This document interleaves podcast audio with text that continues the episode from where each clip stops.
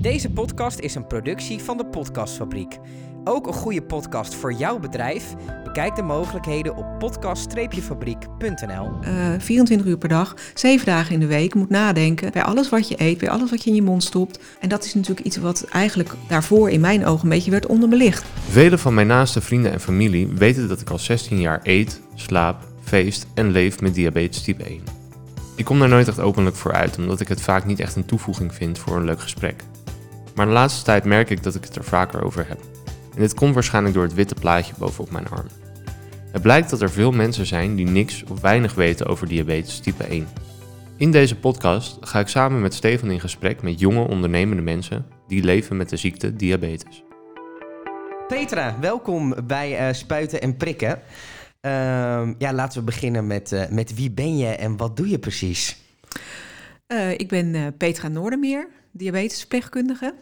Ik werk als diabetesverpleegkundige in het Alrijnen ziekenhuis. Mm -hmm. En nou, dat doe ik sinds 20 jaar eigenlijk. En je bent ook al 20 jaar diabetesverpleegkundige? Ja, ja ik werkte daarvoor um, als wijkverpleegkundige. Mm -hmm. um, in Leiden. En daar heb ik diabetes, diabetes type 2 spreekuren opgezet. En dus de laatste jaren als wijkverpleegkundige was ik eigenlijk al bezig met diabetes. En op een gegeven moment kwam er een vacature vrij uh, als, diabe als diabetesverpleegkundige in het ziekenhuis.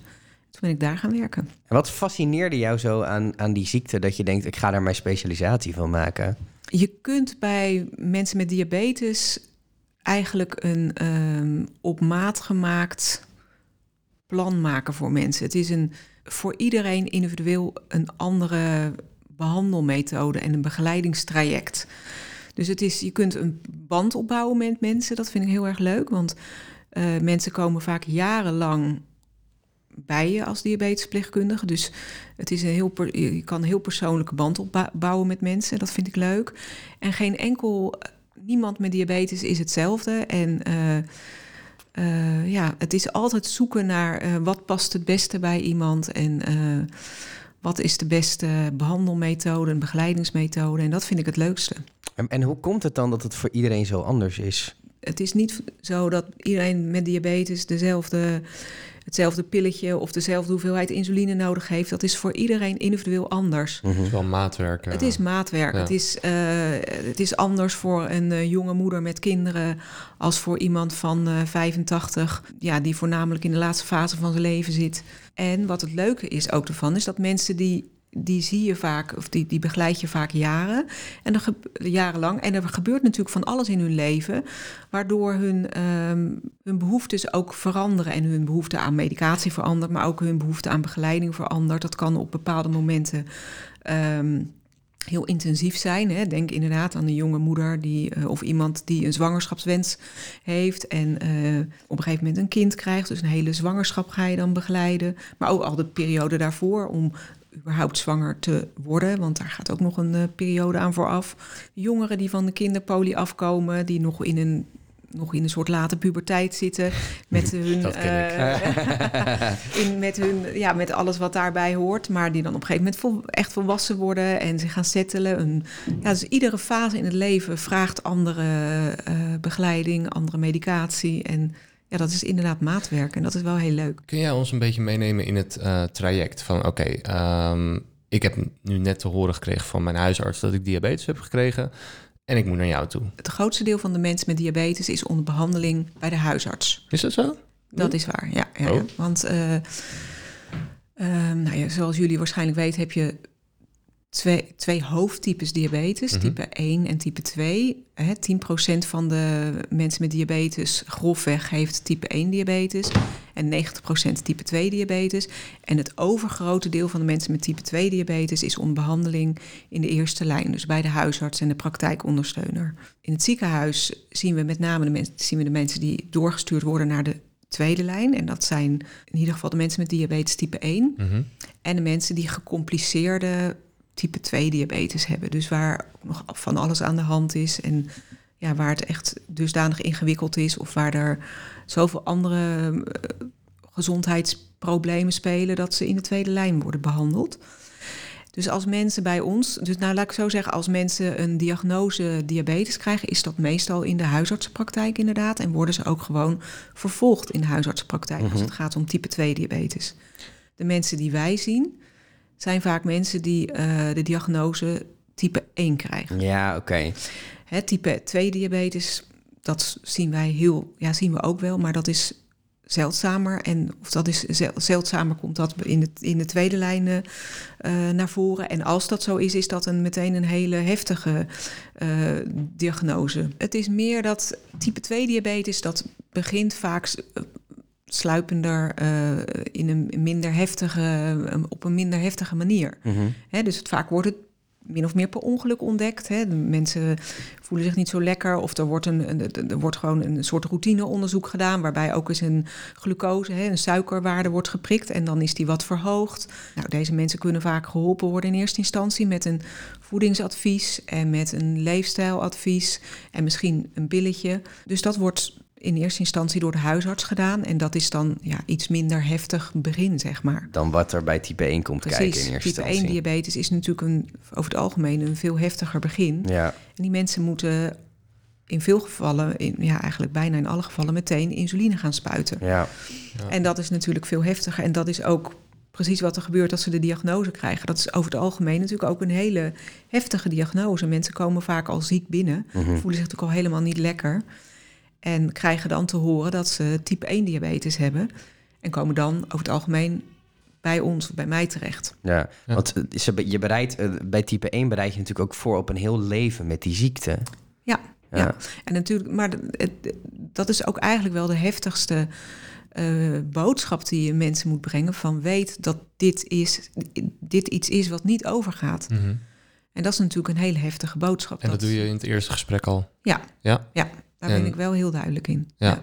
En hoe, hoe, neem, hoe gaat zo'n eerste gesprek? Nou, in zijn algemeenheid zijn mensen ziek, voelen zich niet lekker, eh, soms al langer, komen bij de huisarts terecht.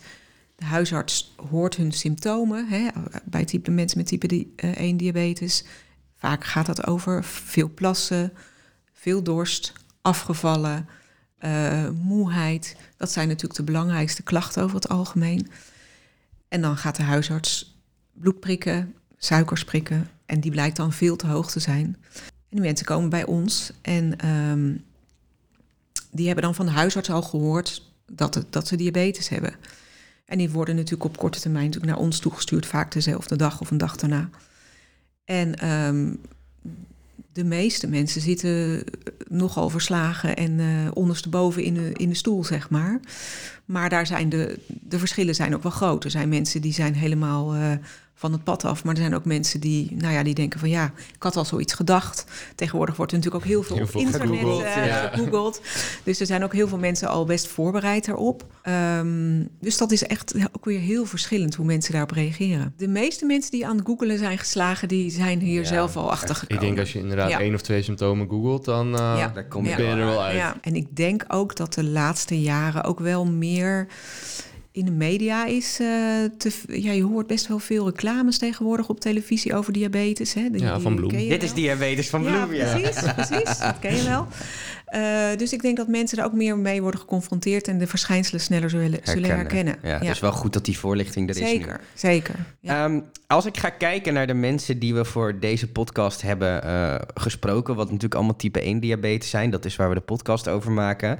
Waar ik veel ergernis zie, ehm, is dat zij in, om- in een omgeving eh, dingen te horen krijgen als dan had je maar niet zo vet moeten vreten. Of heel erg die eh, vergelijking ook. Het, het, Ja. het, het, het verschil tussen 1 en 2 is vaak onduidelijk.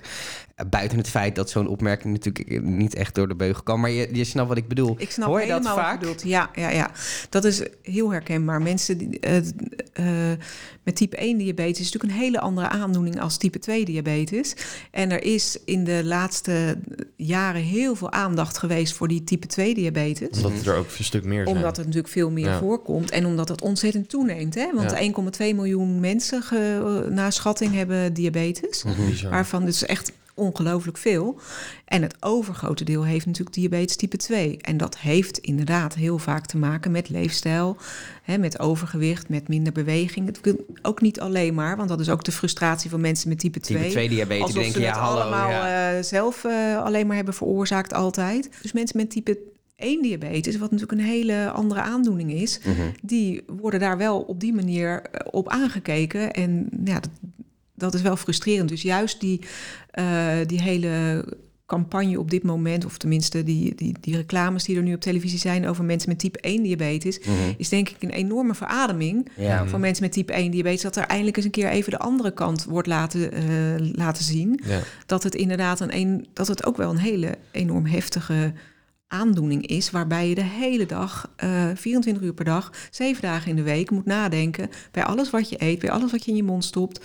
Hoeveel koolhydraten zitten erin? Eh, wat ga ik de komende uren doen? Eh, moeten spuiten, moeten meten, eh, moeten rekenen.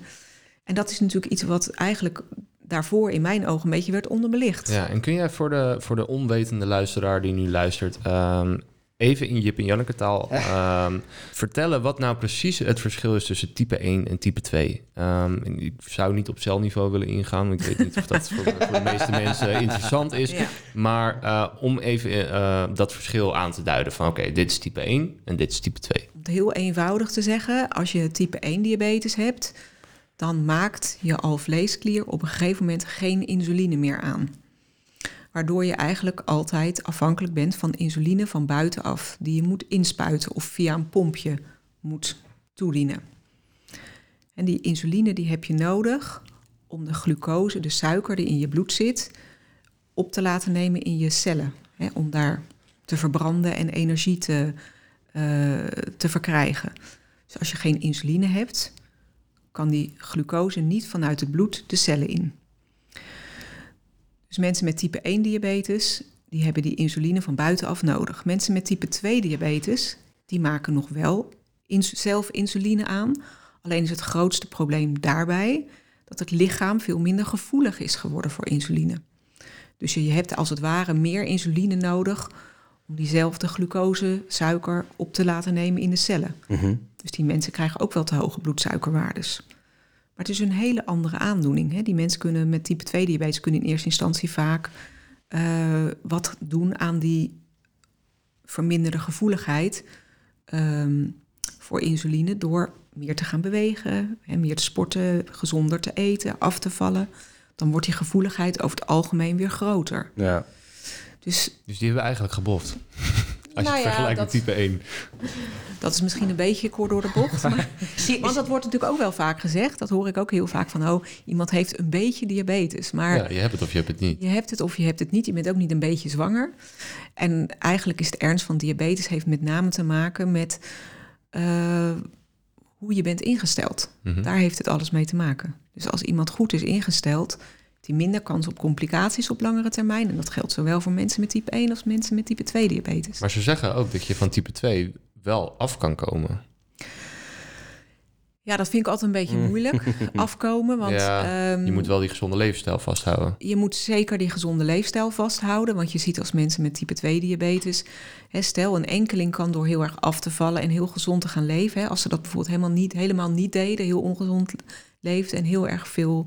eh, eh, of heel, eh, heel zwaar waren, dat ze als ze heel erg afvallen, veel gaan bewegen, gezond gaan eten, dat ze dan bijvoorbeeld van hun medicatie af kunnen komen. Ja. Dat gebeurt zeker. Maar op het Mhm. moment dat iemand dan weer een keertje dat even loslaat, dan gaat het meteen Die gevoeligheid weer- blijft. die mi- verminderde gevoeligheid, die zie je dan weer meteen terugkomen op het moment dat ze terugvallen. Dus dat is niet te genezen eigenlijk. Dat is dan... Nee, dat denk ik niet. Kijk, de grootste, de grootste eh, klappers zien we eigenlijk bij nog wel bij mensen die bijvoorbeeld een eh, maagverkleining hebben gehad. Hè? Mhm. dus, eh, die dus echt enorm zijn afgevallen en eh, eh, heel anders gaan eten. Daar zie je vaak wel dat ze echt wel een soort van blijvend van hun medicatie die afkomen. kunnen, Ja. Ja, Denk je dat diabetes type 2 eerder te genezen is dan diabetes type 1? Helemaal te genezen. Ja, als we kijken naar, naar toekomstige medicatieontwikkeling, dat soort zaken. Ja, het probleem is met de medicatie dat het nu eigenlijk alleen maar eh, het, het, het, is, het, het, het geneest niet, Nee, maar Nee, het zijn het is symptoombestrijding. Ja. Hè? Dus ze zijn eh, ja, met name heel erg bezig met eh, type 1 diabetes om te kijken hoe ze dat. Zo leefbaar. Maar, oh, genezen echt. Ja, nou ja, genezen. Ja, dus om te kijken of ze die eilandjes van Langerhans, waar dan die insuline wordt aangemaakt. En Mhm. wat bij mensen met type 1 diabetes hè, worden die eilandjes eigenlijk vernietigd. Hè, die plekken waar, waar de insuline wordt aangemaakt. Hè. Je, eh, eigenlijk eh, is het een probleem dat het, eh, je lichaam gaat eigenlijk. Het is een auto-immuunziekte, dus je gaat eigenlijk het, het, het lichaam valt zichzelf aan, zeg maar. Mhm. En maakt die, eh, die plek op de alvleesklier kapot. Dus ze zijn natuurlijk bezig om te kijken of ze daar iets mee kunnen. Mhm. Of ze dat. eh, maar ja, dat is. Lastig. Dat is lastig, ja. Ja. Wat, wat, wat jij, ehm, jij eh, roept al best wel lang, eh, ze riepen 20 jaar geleden al, over 10 jaar hebben we een... Nou, ja, hebben, inderdaad, toen ik het kreeg, dat is nu 16 jaar geleden. Toen wa- was Bart Roepas er heel erg mee Ja, bezig, volgens En mij nog steeds. En nog steeds. En die zei toen, eh, het was ook op te- televisie, ik weet niet meer welk programma. En die zei over tien jaar, over tien jaar zijn we er. Ja. Dan hebben we het. En, En dan genezen steeds we. niet zo. En dat is nu zes jaar geleden. Ja, ja, jij dus hoort dat ook al 20 jaar natuurlijk. ja. Nee, dat klopt. Ik hoor dat ook al heel Ja. lang. En regelmatig komen de mensen eh, bij mij en dan hebben ze weer een krantenbericht. Want dan Mhm. is er weer een, een ontwikkeling. En dan zeggen ze, oh, maar kijk, kan ik daarvoor in aanmerking komen? Want nu gaat het gebeuren. Maar ja, ik ben daar altijd heel voorzichtig in. Want ik weet dat dat inderdaad precies wat Koen Mhm. zegt... al zo lang wordt geroepen. Maar het, dat duurt zo lang voordat er uiteindelijk echt iets is... wat, wat echt eh, eh, werkt. Maar met name ook wat voor een grote groep... eh, beschikbaar komt. Hè? Want Ja. eh, je hebt, misschien hebben jullie daar iets over gehoord. De eiland, eilandjestransplantatie. Dat ze bijvoorbeeld uit de alvleesklier van een overledene... van die eilandjes kunnen Ja. eh, halen en dat kunnen transplanteren. Maar heb je dan een probleem opgelost? Want jouw lichaam denkt nog steeds, hé, hey, eilandje verlangen, anders moet dat niet kapot. Nee, maar dat, dat, dat werkt in veel gevallen wel goed. Dat mensen dan bijvoorbeeld of veel minder insuline moeten spuiten Mhm. of helemaal niet meer.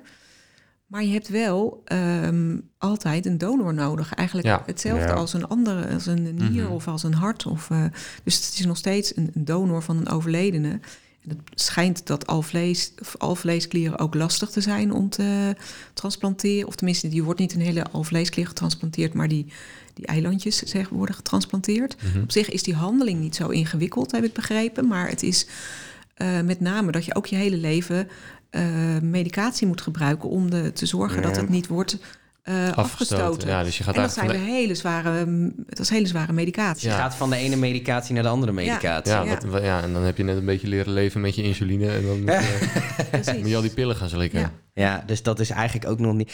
Is er niet irritatie bij jullie dat als je ziet, we hebben nu een wereldwijde pandemie. Eh nou, deze podcast, terwijl we die opnemen, verschijnt zes of acht weken later. Dus de kans dat er dan een vaccin is, is best wel groot. Is er dan niet irritatie dat jullie denken, verdomme, als voor corona zo snel een oplossing eh, gevonden kan worden, stel we knallen al het geld van de wereld daartegen aan, hoe snel we dat dan misschien Ja, opgelost kunnen Want er krijgen? gaan ook heel veel verhalen rond. En ik weet niet wat daarvan waar is. En mij kan het ook geen moer interesseren verder. Maar er wordt ontzettend veel verdiend aan diabetes, eh, diabetes door de farmaceutische industrie. Dat, dat, is, dat is gewoon een feit. Ja, ja. Welke hoek wil je in, Koen? Ja, ik ben wel benieuwd hoe jij daarover denkt. Ja, ik, ik vind het lastig. Weet je, het is, het is natuurlijk een, een aandoening die bij zoveel mensen voorkomt wereldwijd. Mhm.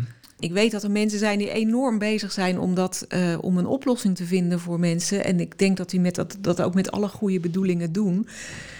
En ik moet heel eerlijk zeggen dat ik, ja, dat ik niet allerlei complottheorieën Nee, dat- daar- die- die- hoek wil ik eh, ook niet op, ehm, dat, Maar- daar, dat dat wordt tegengehouden. Maar waar- waarom duurt dat zo lang? Waarom ja, moet er zoveel getest worden? Of hebben ze gewoon nog steeds niks gevonden waarvan blijkt van... oké, dit is het. Dit is de holy grail. Nou, dat, ik denk eerder dat. Ja? Ja, en het is zo ingewikkeld.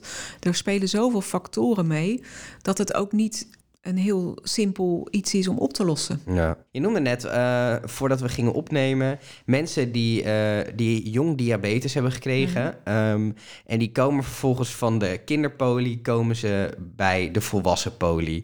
Ehm, je ziet natuurlijk die mensen die, die hebben een heftige ziekte gekregen en hebben toen een, een kinderarts en kinderverpleegkundige toegewezen gekregen. Daar bouwen ze een, een intieme band mee op, want die heeft hen begeleid tijdens het begin van hun ziekte. Eh, en daarna gaan ze naar de volwassen poli. Is die overgang lastig? Nou, het grappige is dat ik heel soms stiekem wel eens denk dat de overgang vooral lastig is voor de dokter en voor de diabetesverpleegkundige, Ja, kinderdiabetesverpleegkundige. Nee, dat is niet. Dat je moet stiekem denk ik dat wel eens. Ja, en ik denk dat soms dat dat soms ook lastig is, want wat wij merken op de volwassen poli is dat er vaak wordt gezegd door de eh, kinderarts en de kinderdiabetesverpleegkundige, nou, die vindt het toch wel heel lastig om over te moeten. Nou, dan denken wij van, nou, wij merken dat verder vaak niet. Dan zeggen ze vaak tegen ons van, blij dat we daar weg zijn.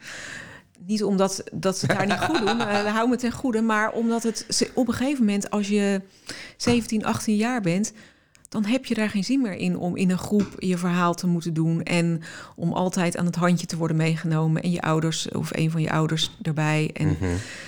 Die willen gewoon even, eh, De check. die willen even, even een beetje losgelaten worden. Ja. Daar zijn ze dan ook echt aan toe. Ja. En dat merk je, dat als, je, als ik het dat terugvraag, hè, na een aantal keer wat vind je er nou van, om op de volwassen poli zijn, dat ze het vaak een enorme opluchting vinden. Mhm. Het gevaar zit er natuurlijk wel een beetje erin dat je ze ook wel eh, goed op de radar moet houden. Want het is natuurlijk ook wel het moment om van de radar af te Ja. vallen, zeg Ja, maar. ik, dus ik wij heb hebben daar wel. periode gehad dat Ja, ik toch ehm, niet kwam opdagen. Precies. Of, eh, Ja, Dat ik dacht van ja, hallo, als ik het nu zelf mag bepalen, ik vind dat het niet nodig is.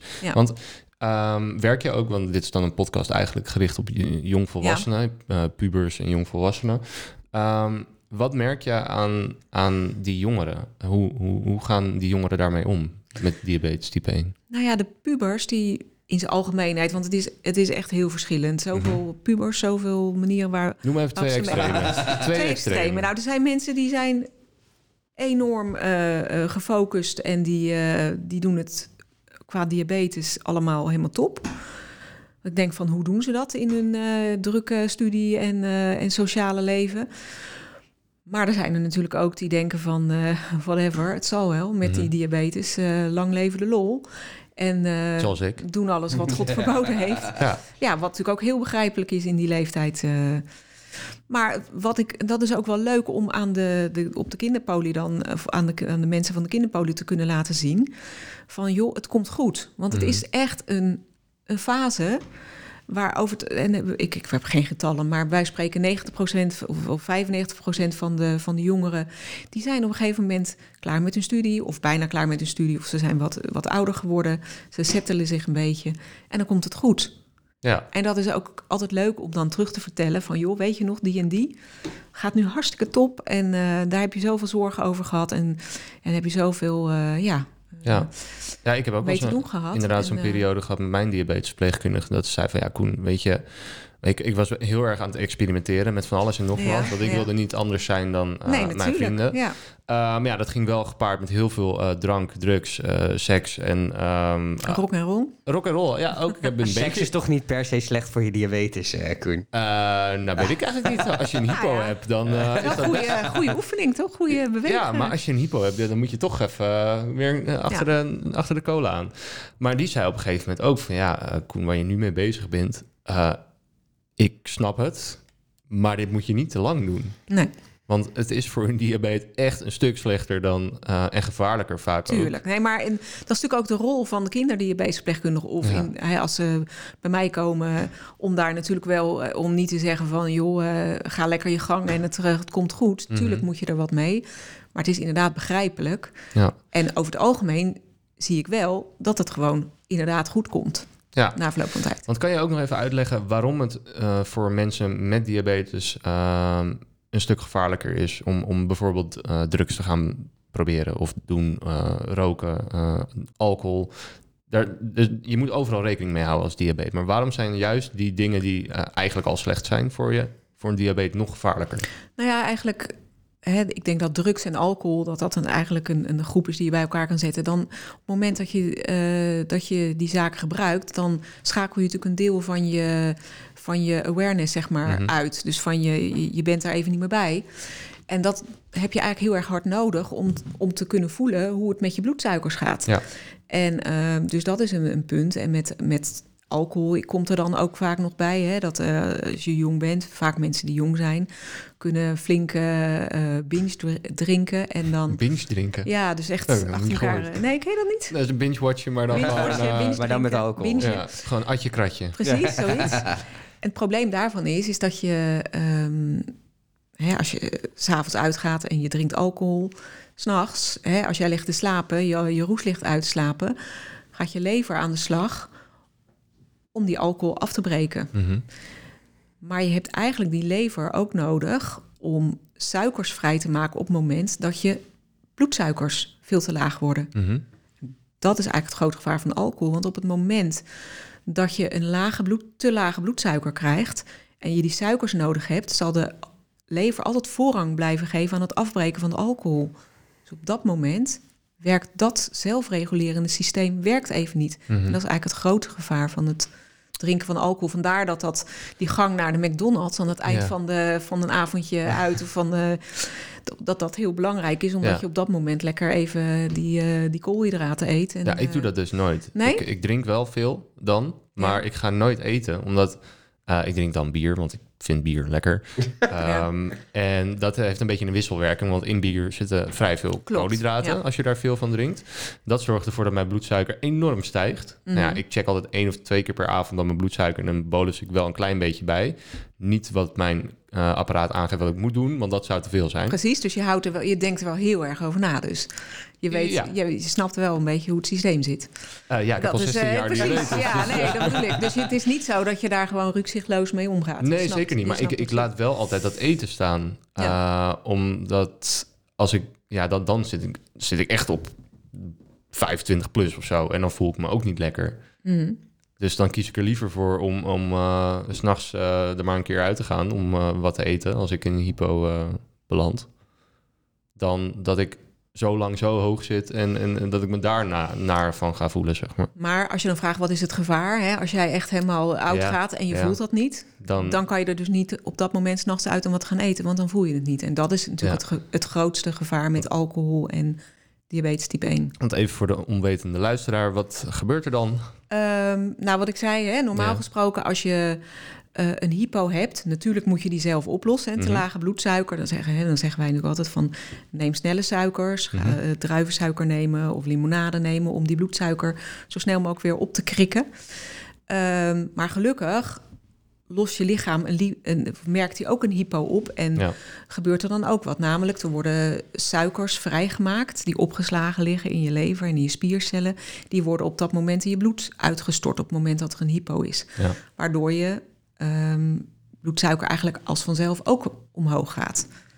Maar stel je mist maar wat dat ik al hypogevoel. zei, nee, het is meer als stel dat dat gebeurt en je, je voelt het niet omdat je slaapt. Ja. En je hebt veel alcohol wat op dat moment wordt afgebroken, dan kan die lever die suiker niet vrijmaken. Ja. En dan kan dat, die hypo dus niet vanzelf worden opgelost. Nee, maar wat gebeurt er dan met de persoon als je daar Nou ja, als aan je, doet? als je dan niks doet, hè, dan in het meest extreme geval. Mhm. En gelukkig gebeurt dat vrijwel nooit. Ik wil nooit, niet zeggen nooit. Ik heb het in de afgelopen twintig jaar één keer meegemaakt dat het gebeurd is. Even afkloppen. Dat, precies, even afkloppen. Ehm, dat iemand uiteindelijk komt te overlijden. Ja, Dus dat is echt wel een heel serieus gevaar. maar waar overlijd je dan aan? Overlijd je dan echt aan een te lage Ja, bloedsuiker? Ja, ja. Want dat zorgt er gewoon voor dat er gewoon niks meer in je lichaam gebeurt qua... Dan gaat het echt... eh, Dan stopt alles. Ja. Dat is vrij pittig. Ja, zeker. Zeker. En nogmaals, het gebeurt bijna nooit. Hè, want dat is ook wel iets dat eh, men denkt vaak van... ik heb een hypo en wat gebeurt er dan als ik slaap? Hè? Want dat Mhm. is natuurlijk... Mensen de- durven het niet te zeggen... maar ze eigenlijk bedoelen ze van... word ik wel wakker Mhm. als ik s'nachts een hypo heb? En dan is het antwoord ja. Nou, je, je wordt de volgende ochtend gewoon wakker... omdat je lichaam het zelf gelukkig ook oplost. Ja.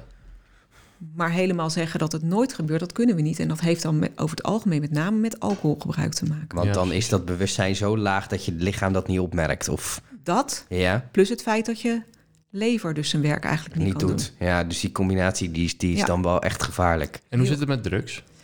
Nou, drugs is denk ik met name het grootste probleem... is dat je, eh, dat je dan dat gevoel niet meer hebt. Hè? Dat je dus niet eh, inderdaad wakker wordt... of dat je niet... eh, dat gevoel hebt van een hypo wat je normaal hebt. En dat Mhm. het waarschuwingssysteem eigenlijk niet goed werkt. Ja, dus eigenlijk je, je- omdat je jezelf zo verdooft, Ja, ja, kan je in zo'n gevaarlijke Ja. situatie komen.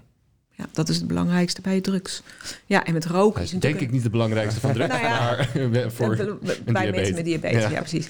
En met roken is natuurlijk een ander verhaal. Dat is Mhm. met name op de lange termijn het probleem. Hè? Dat, eh, sowieso is roken natuurlijk voor iedereen hartstikke slecht. Ja, Dat niemand... eh, En stinkt. daar is het precies. en voor de omgeving, getver. Maar ehm, ja, op de lange termijn is dat voor iedereen slecht. Maar mensen met diabetes die hebben natuurlijk al een verhoogd risico op hart- en vaataandoeningen.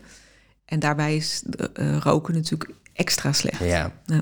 Wat, ehm, wat doe jij als je ziet dat, dat een, een patiënt van jou ehm, gooit er met de pet naar? En dat, dat kan dan alcohol, drugs zijn, maar ook misschien een combinatie met zijn diabetes niet goed bijhouden. En je hebt op langere termijn, je bent al een aantal keer dat gesprek aangegaan van joh, eh, het ziet er echt niet goed uit. Je, en iemand blijft er met de pet naar. Hoe, hoe, hoe, wat kan jij in zo'n situatie? Nou, ik probeer sowieso altijd het lijntje te houden. Zeker als het om jonge mensen gaat. Ik probeer altijd eh, ehm, nou ja, ze een beetje bij me te houden, zeg maar. En Mhm. het, het, het open te houden. Oh, ik ben al vaak, zeker als het om jonge mensen gaat, ben ik al heel blij als ze gewoon komen. Of als ze contact opnemen of als ze contact blijven houden. Dat is denk ik het belangrijkste, dat je ze niet kwijtraakt. Mhm. En ehm, nou ja, ik denk dat een hele belangrijke vraag is: wat wil je zelf? Wat zijn je eigen doelen? Eh, want ik of wij kunnen wel van alles willen, maar ja, Je moet het zelf ook willen. precies. Het zit natuurlijk met name in jezelf. Dus ik denk dat het belangrijk is om te zoeken van wat zijn de. ehm, ja, wat vindt iemand belangrijk en om daarop in te spelen. Stel je voor dat iemand eh, heel erg veel van sport houdt, ehm, maar continu hele hoge bloedsuikers heeft. En dan kan je bijvoorbeeld dat als aanleiding gebruiken van joh, dat sporten dat gaat nu lastig, want je bent misschien veel te moe of Mhm. je hebt altijd te hoge bloedsuikers waardoor je niet kunt sporten. Wat als we dat nou eens kunnen kijken van hoe we het iets naar beneden kunnen krijgen dat dat beter gaat. Ja. Ik noem maar een voorbeeld. Eh, Bij iemand anders is dat misschien weer een andere trigger waar je op zou kunnen Aanhaken. aanhaken. Ja, maar ik kan me ook voorstellen dat er bij sommige mensen misschien een soort acceptatie ontstaat van... joh, ik heb eh, hoge bloedsuikers, het zal allemaal wel. Ja, of mensen die helemaal inderdaad hun kont in de krip gooien van... nou weet je, ik accepteer dit niet, het past niet bij me, het hoort niet bij me... en gewoon helemaal stoppen. Ja, komt ook voor, ja. ja. Die komen dan vaak in het ziekenhuis natuurlijk terecht, uiteindelijk. Uiteindelijk, ja, uiteindelijk wel. Ja, ja nee, dat, dat, eh, dat komt ook voor. Ja. Het lijkt me heel moeilijk voor Heel jou. moeilijk, ja. Nee, Want dat je, is ook zo. da- da- daar komt frustratie bij kijken, kan ik me voorstellen. Nou, weet je wat ook lastig is? Wat, ik heb ook wel een aantal, en het zijn vaak jonge mensen... die weten eigenlijk heel goed wat ze zouden moeten doen... Mhm. Die voelen het natuurlijk ook. Mhm. Ze voelen het in maar hun ze lichaam. kunnen het niet. ehm, ze kunnen zich niet zetten om te gaan doen. Hè? Dus mensen die echt alleen maar, die bijvoorbeeld eh, vier keer per dag spuiten, natuurlijk, langwerken en kortwerken insuline, die continu bloedsuikers hebben van rond de 20. Ze weten dat ze wat ze moeten doen, namelijk insuline spuiten of en meten regelmatig. Maar ze doen het niet. Ze kunnen zich er gewoon. En dan zeggen ze: Ja, ik, ik, ik weet het wel, maar ik, het, het lukt me gewoon niet om het te doen. Mhm. Ze voelen zich eigenlijk hartstikke beroerd, want ze kunnen Ja, ja, je, je kan eigenlijk eh, bijna niks meer. Je kan je niet concentreren voor je, je studie of voor je werk. Eh, je kan niet sporten. Je kan, je kan eigenlijk niks meer. Maar toch kunnen ze zich er niet toe zetten op dat moment om gaan handelen. Mhm. Waarom? Waarom? Want eigenlijk ben je gewoon heel zelfdestructief bezig op dat moment. Ja, klopt. En Maar dat, is, zit wel in de mens natuurlijk ook, Ja. hè? Nou, ik vraag natuurlijk altijd, hè, wat wil je zelf? Maar vaak vinden ze dan toch prettig om te blijven komen, regelmatig of contact te hebben of te bellen. En dan werkt het vaak, het contact werkt dan toch wel vaak met hele kleine doelen stellen. Van ga, dan zeg ik niet van, je moet vier keer per dag, je moet, maar je, je, eh, ga vier keer per dag je insuline spuiten. Dan zeg ik, nou joh, ga in ieder geval iedere dag je langwerkende eh, proberen te spuiten. Hè, dat je in ieder geval die basis hebt. Ja. Eh, we zijn heel blij met die komst van die Freestyle Libre. Die, Ja, eh, dat is een enorme verbetering, want daardoor hoeven de mensen niet meer in hun vingers te, Te prikken, prikken, wat natuurlijk al heel, Ja. ja. heel eh, belastend is. Dus als ik mensen aan de Freestyle Libre kan krijgen, dan doe ik dat natuurlijk. En dan helpt dat vaak enorm, want dat Ja. is natuurlijk een veel minder grote handeling dan het prikken in je vingers. En het geeft veel meer inzicht, waardoor mensen ook zien wat er gebeurt en dan toch sneller geneigd zijn, is mijn ervaring, om toch weer even die pen of die uh, Ja. pomp ter hand te nemen om wat bij te gaan spuiten. Al Even- gaan ze maar bijspuiten. Even ter referentie voor de luisteraar, die Freestyle Libre, dat is dat is dat, witte plaatje Ja, dat witte plaatje, daar Ik kan je ja. je, je, je Precies, suiker ja, eh, aflezen. Dan, Ja. Ik heb dan een app op mijn telefoon en met die app eh, kan ik, eh, die hou ik er langs met NFC en dan geeft hij gelijk mijn bloedsuiker. Precies. En Dus dat voor, voor die tijd was Ja. het eigenlijk zo dat iedereen zich, ehm, nou ja, vier keer per dag of meerdere keren, Ja, ik deed nog denk ik vaker, zes keer jij per dag. misschien wel vaker, Ja, in hun vingers eh, moesten prikken, een bloeddruppel op een Ja. stripje en Mhm. vervolgens gedoe. zie je dan je bloedsuikers, je bloedsuikerwaarde van dat moment. Ja. Dat zegt natuurlijk wel wat, maar lang niet alles, want Ja. je weet niet waar je vandaan komt en je weet niet waar je naartoe gaat met je Ja, bloedsuikers. Met de komst van de sensoren die er nu zijn en de Freestyle Libre is dan eh, degene die op dit moment eigenlijk eh, in deze klasse min of meer de enige is. Dat is een plaatje inderdaad op je arm die je één keer per twee weken vervangt. Daar scan je langs met je telefoon of met een soort scannertje. Op ieder moment dat je zelf wilt. Je ziet je glucosewaarde, je bloedsuikerwaarde van dat moment. Maar je kijkt op dat moment ook acht uur terug. Dus je ziet ook in één, één oogopslag hoe de waardes van de afgelopen acht uur waren. En hij geeft ook nog met een pijl aan Waar naartoe die op dat moment naartoe gaat. Gaat, dus dat, ja. je kijkt een beetje in het verleden, het moment en in de toekomst. Dus Ja. dat geeft veel meer inzicht. Ja, voor en je. het voordeel ook is, dat vind ik vooral, omdat eh, ik die app op mijn telefoon heb. En eh, ja, we leven allemaal met dat ding in ons hand. Eh, ik ben van zes momenten per dag, nou misschien wel twintig gegaan. Omdat Ja, ja. elke keer als ik mijn telefoon we wegleg, denk ik, nou toch even die app. Ik Ja. kan En op Twitter kijken, maar ik kan ook even... Ja, maar je- het is één seconde werk. En je hebt zo'n goed beeld eigenlijk van, wat je, hoe jij reageert op stress, op sport, op eh, veel bepaalde voedingsstoffen. Ja. Het is voor mij de afgelopen twee jaar ook. Ik voel me zoveel beter door, Ja. dat, door, dat, door dat ding. Maar ik heb het idee dat die combinatie van dat plaatje en die pomp voor jou, die combinatie samen, dat Ja. dat het voor jou het leven veel eh, makkelijker heeft gemaakt. Ja, zeker. Maar die Freestyle Libre heeft daar nog, nog meer aan Ja, bijgedragen. omdat het veel meer inzicht geeft. Hè? Ja. Waar je inderdaad, nou precies wat jij zegt. En Mhm. we zien ook echt dat mensen beter zijn ingesteld hierdoor. Ja. Ja. En je kan ook kunnen veel meer inzicht krijgen over wat er gebeurt in Ja, hun lijf. En je kan ook echt, echt met jezelf weer eh, gaan testen van... eh, oké, eh, ik eet een banaan. En je gaat dan eh, het komende half uur of uur ga je kijken van... Ja. wat doet dat met mijn bloedsuiker? Ja, precies. Als ik niet spuit bijvoorbeeld, of als ik wel dit, eh dit bijbolus met mijn pomp. En je weet dan gewoon ook weer even van, oké, dit is dus precies wat, wat dit aantal koolhydraten met mijn lichaam doet. Ja, ja. En dat, dat, ja, dat is echt een. eh, Is die combinatie verrijking. voor iedereen toepasbaar? Dus en eh, die Freestyle Libre en zo'n pompje. Is Ja. die combinatie voor iedereen haalbaar? Of zijn er ook situaties waarin dat niet kan? Ik heb die Omni, Omnipot. Ja. Die, eh, Insulinepompen. Nou, laat ik zo zeggen, de Freestyle Libre is vrij eenvoudig. Ja, Iedereen die ja.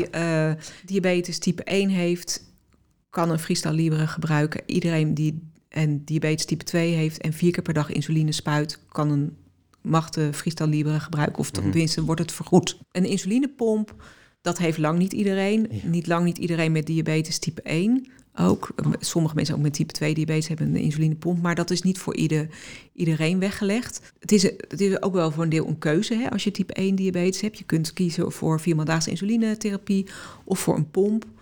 En veel mensen vinden een pomp dan toch wat vervelender, omdat dat altijd aan je lijf zit. Maar dat is eigenlijk een beetje in het gesprek eh, in de spreekkamer van wat wil je zelf en wat is daar je keuze in. ja. ja, want ik had in. Want- Want dus er bestaan heel lang pompjes, maar ik wilde nooit een pomp, omdat er allemaal zo'n draadje aan draadje zat. aan zat, ja zeker. Oh, dat dat Ja. leek me verschrikkelijk. En dat Ja. heeft jaren geduurd voordat ik dus eh, overging naar, naar de pomp, de Omnipot, want die is draadloos. Ja, er zit wel een eindje, eitje op je been met, eh, met eh, insuline erin. Maar ik moet zeggen, eh, beste luisteraars, mocht je dit luisteren, begin daaraan. eh, want dat, eh, ja, ik vind, persoonlijk vind ik dat echt een topding. Ja, zeker. Zoveel fijner dan Ja. vier keer per dag spuiten. Ja, maar dat is ook weer niet voor iedereen weggelegd. Nee, zeker niet. Want die draadloze, po- hè, die die jij dan hebt, daar mag je weer niet te veel insuline voor gebruiken. Nee, want er, Ehm, gaat, er gaat maar een bepaalde hoeveelheid in ook. Er gaat maar een bepaalde Ja. hoeveelheid in en het is een pomp die je eigenlijk iedere drie dagen vervangt en ook weggooit. Ja. Dus het is in verhouding een wat duurder systeem. Ja. Ik ben een dure jongen. Precies, een dure jongen. En er, er gaat dus maar een bepaalde hoeveelheid in. Dus als je een grotere hoeveelheid insuline gebruikt, dan zou je die pomp vaker moeten vervangen. En dan zegt de zorgverzekeraar gewoon van... sorry, Je bent te duur. je bent te duur. Dus Ja. dat gebeurt, dan gebeurt het niet. Ja. Dus ja, We hebben ook ehm, een, een, eh, een luistervraag, of een- niet echt een luistervraag, maar meer een luisteropmerking van een van onze luisteraars gehad. Die zei van ja, die freestyle libre top, eh, leuk, die pomp, maar die pleisters, ik ben allergisch voor die pleisters. Of het gaat irriteren. En ik hoor dat best wel vaak. En ik zie ook af en toe eh, mensen met dat plaatje op hun arm met allemaal van die enorm rode vlekken erop van die pleisters. Maar heb jij daar nog tips voor? Ja, dat is een lastige. Gelukkig zijn het niet. Ja, Koen zegt het zijn veel mensen, maar mijn ervaring dat het op zich meevalt. En ze hebben natuurlijk die pleisters in de loop van Misschien de tijd alleen de ook wel. negatieve Ja, misschien ook gehoord, wel eh, hoor. Want ja. als je natuurlijk op, hè, op internet kijkt, dan zie, hoor je natuurlijk met name de mensen waarbij het niet goed gaat. Ja. Mhm. Maar veel minder min, de mensen die waarbij het Die wel hoor je goed niet. gaat, die hoor je niet. Nee. Ehm, dus wij hebben ook wel enkele voorbeelden van mensen die er echt veel last van hebben gehad. We hebben ook mensen die inmiddels het weer zijn gaan gebruiken en nu helemaal geen last meer hebben. Hmm. Dus ook in die, pleister, die samenstelling van die pleister is in de loop der jaren ook wel wat, Wat veranderd. Dus probeer hem Dus gewoon af en toe. mijn weer- advies is wel, als je het een paar jaar geleden gebruikt hebt en het is misgegaan, probeer het nog een keer, want het zou best kunnen zijn dat het nu wel werkt. Oké, Ja. ja. En dan zijn er verder ook nog allerlei oplossingen te bedenken van iets anders eronder en er doorheen. En nou ja, goed, dat is. Ik zou bijna zeggen, moet je op internet maar een beetje googlen. Want Ja. dan kom je Mhm. allerlei hele eh, eh, ingenieuze oplossingen tegen die wellicht wat voor jou zijn. Zie jij nog meer eh, technische ontwikkelingen voor in de toekomst waar, waar jij een beetje je hoop op eh, zet? Of Ehm, ja, waar ik nu eigenlijk op hoop als volgende stap. En eigenlijk bestaat dat al, maar goed, dat moet dan nog ook weer vergoed gaan worden. Is de Freestyle Libre, waar ook een alarmfunctie op zit. Oh, oké. De Freestyle Libre 2. En dan gaat er, gaat er op, je, op je telefoon of dat kastje gaat dan een belletje, Ja, ja, dan kan je dus eh, een notificatie. dan kan je inderdaad eh, eh, grenzen instellen waar, waarbij je dus gealarmeerd wordt. En ja, dan nu weet je natuurlijk niet als je een hypo hebt, tenzij je toevallig scant. Mhm. Maar dan krijg je Maar dan daar- scant hij eigenlijk gewoon 24/7. ja, dan krijg je gewoon alarm op het moment dat die eh, te laag of te hoog is. Dus dat is natuurlijk mooi. Er zijn natuurlijk van die systemen al eh, op de markt, hè, van die continue glucosesystemen die met een alarm. Mhm. Of eh, continue glucose monitor monitoring systemen, zoals het met een mooi woord heet, met een alarm. Maar dat is op dit moment nog maar voor een hele kleine groep mensen beschikbaar. Hè. Met name mensen, vrouwen met een zwangerschapswens of die zwanger zijn. Of mensen met een enorme hypo-unawareness. hè. Mensen die hun hypo's echt absoluut niet voelen. Mhm. Die kunnen dus in aanmerking komen voor zo'n eh, zo'n sensor die ook een alarm geeft. Maar helaas is dat dus niet eh, voor een grote groep nog eh, toegankelijk. Ik eh, hoor bij jou superveel kennis. Dat is natuurlijk ook logisch, want je, je doet dit al twintig jaar. Ehm, hoe sta je erin dat jij, jij spreekt de hele dag mensen met diabetes? Je hoort wat ze meemaken in hun leven. Ehm, je weet medisch gezien perfect hoe het werkt, maar je hebt het niet zelf. Hoe gaan, hoe gaan mensen daarmee om? Want jij adviseert hun over dit moet je doen met je leven. Maar ik kan me best voorstellen dat een opstandige puber roept. Ja, eh, ja, maar wat- makkelijk praten. Je- Ja, makkelijk praten. Ja, Ja, ja. Ja, nee, dat klopt. Ehm, en het aardige is, een paar jaar geleden ben ik ehm, met een van onze internisten eh, bij een centrum geweest in Denemarken. Daar dat is een, een, bijscholing van een aantal dagen waarbij je met de verschillende diabetes professionals uit Europa bij elkaar komt. Maar daar leef je ook echt een aantal dagen als iemand met diabetes. Oh, wauw. Kunnen ze dan ook een hypo faken voor je? Nee, dat helaas niet. Oh, dat helaas gaan we wel niet. tof vinden. dat Dus mensen gewoon even zo- voelen hoe ja, het is om zo Ja, ja, ja, cranky te zijn. En zo, dat, Dat, je niks meer kan en, ik en, maar ook niet begrepen wordt, hè? Nee. Want je wordt helemaal knettergek in je kop. En eh, niemand snapt, wa- waarom, waarom doe je nou zo raar? Ja. Ja. Oh, dat zou ik wel tof vinden als ik iemand gewoon... Maar ook andersom, Weet je wat ze met als je helemaal geen hypo kunnen? hebt Ja. en je bent gewoon boos dat iedereen tegen je roept van je moet even je bloedsuiker meten. Ja. Want volgens Wat? mij heb je een hypo. Ik heb helemaal geen hypo. Ja, want soms ben je gewoon nee, boos. Nee, ja, is, maar Ja. het is ook vaak als ik de, de nieuwe mensen leer kennen... of eh, dat ik zeg van ja, weet je, als ik een beetje cranky uit de hoek kom... zeg dan even dat ik wat ga eten of zo. Maar het is wel op zich vaak is het, is het wel te leiden aan. Want ik ben bijna nooit boos. Maar het is wel... eh, ja, als je een keer echt boos bent en ze zeggen dat... dan is het ook niet goed. Nee. Ja, maar dat... Ja, oké. Ja, maar dat ehm, dat, dat was dus een aantal dagen leven als iemand met diabetes. Ja. Dus eh, vier keer per dag insuline inspuiten. Tussen aanhalingstekens was natuurlijk geen was water voor. maar je moet wel die naald er even... Eh, ja. meten, koolhydraten bijhouden, berekenen. Eh, je krijgt een soort van ratio, dus dat je zelf moest gaan berekenen hoeveel koolhydraten. Nou, ik moet zeggen, daar ben je gauw zat. Ja, Dus toen ik, mijn bewondering was na die week echt eh, nog vele malen hoger dan daarvoor. En dan is het nog steeds niet echt. Want Nee, inderdaad, want wat Koen je- zegt, jij weet- ik heb geen hypo's gehad. En als ik toevallig die koolhydraten niet goed bereken, ja, dan gebeurt er nog Jij steeds voelt je niks. daar niet slechter van. Nee, dus, Nee. Het, dus in, en ik merkte ook inderdaad dat ik af en toe s'avonds dan op mijn hotelkamer dacht van voor het slapen, ja, ik moet nu eigenlijk nog mijn bloedsuiker meten. Ik heb er helemaal geen zin zin in weer met. ja. eh, Nee.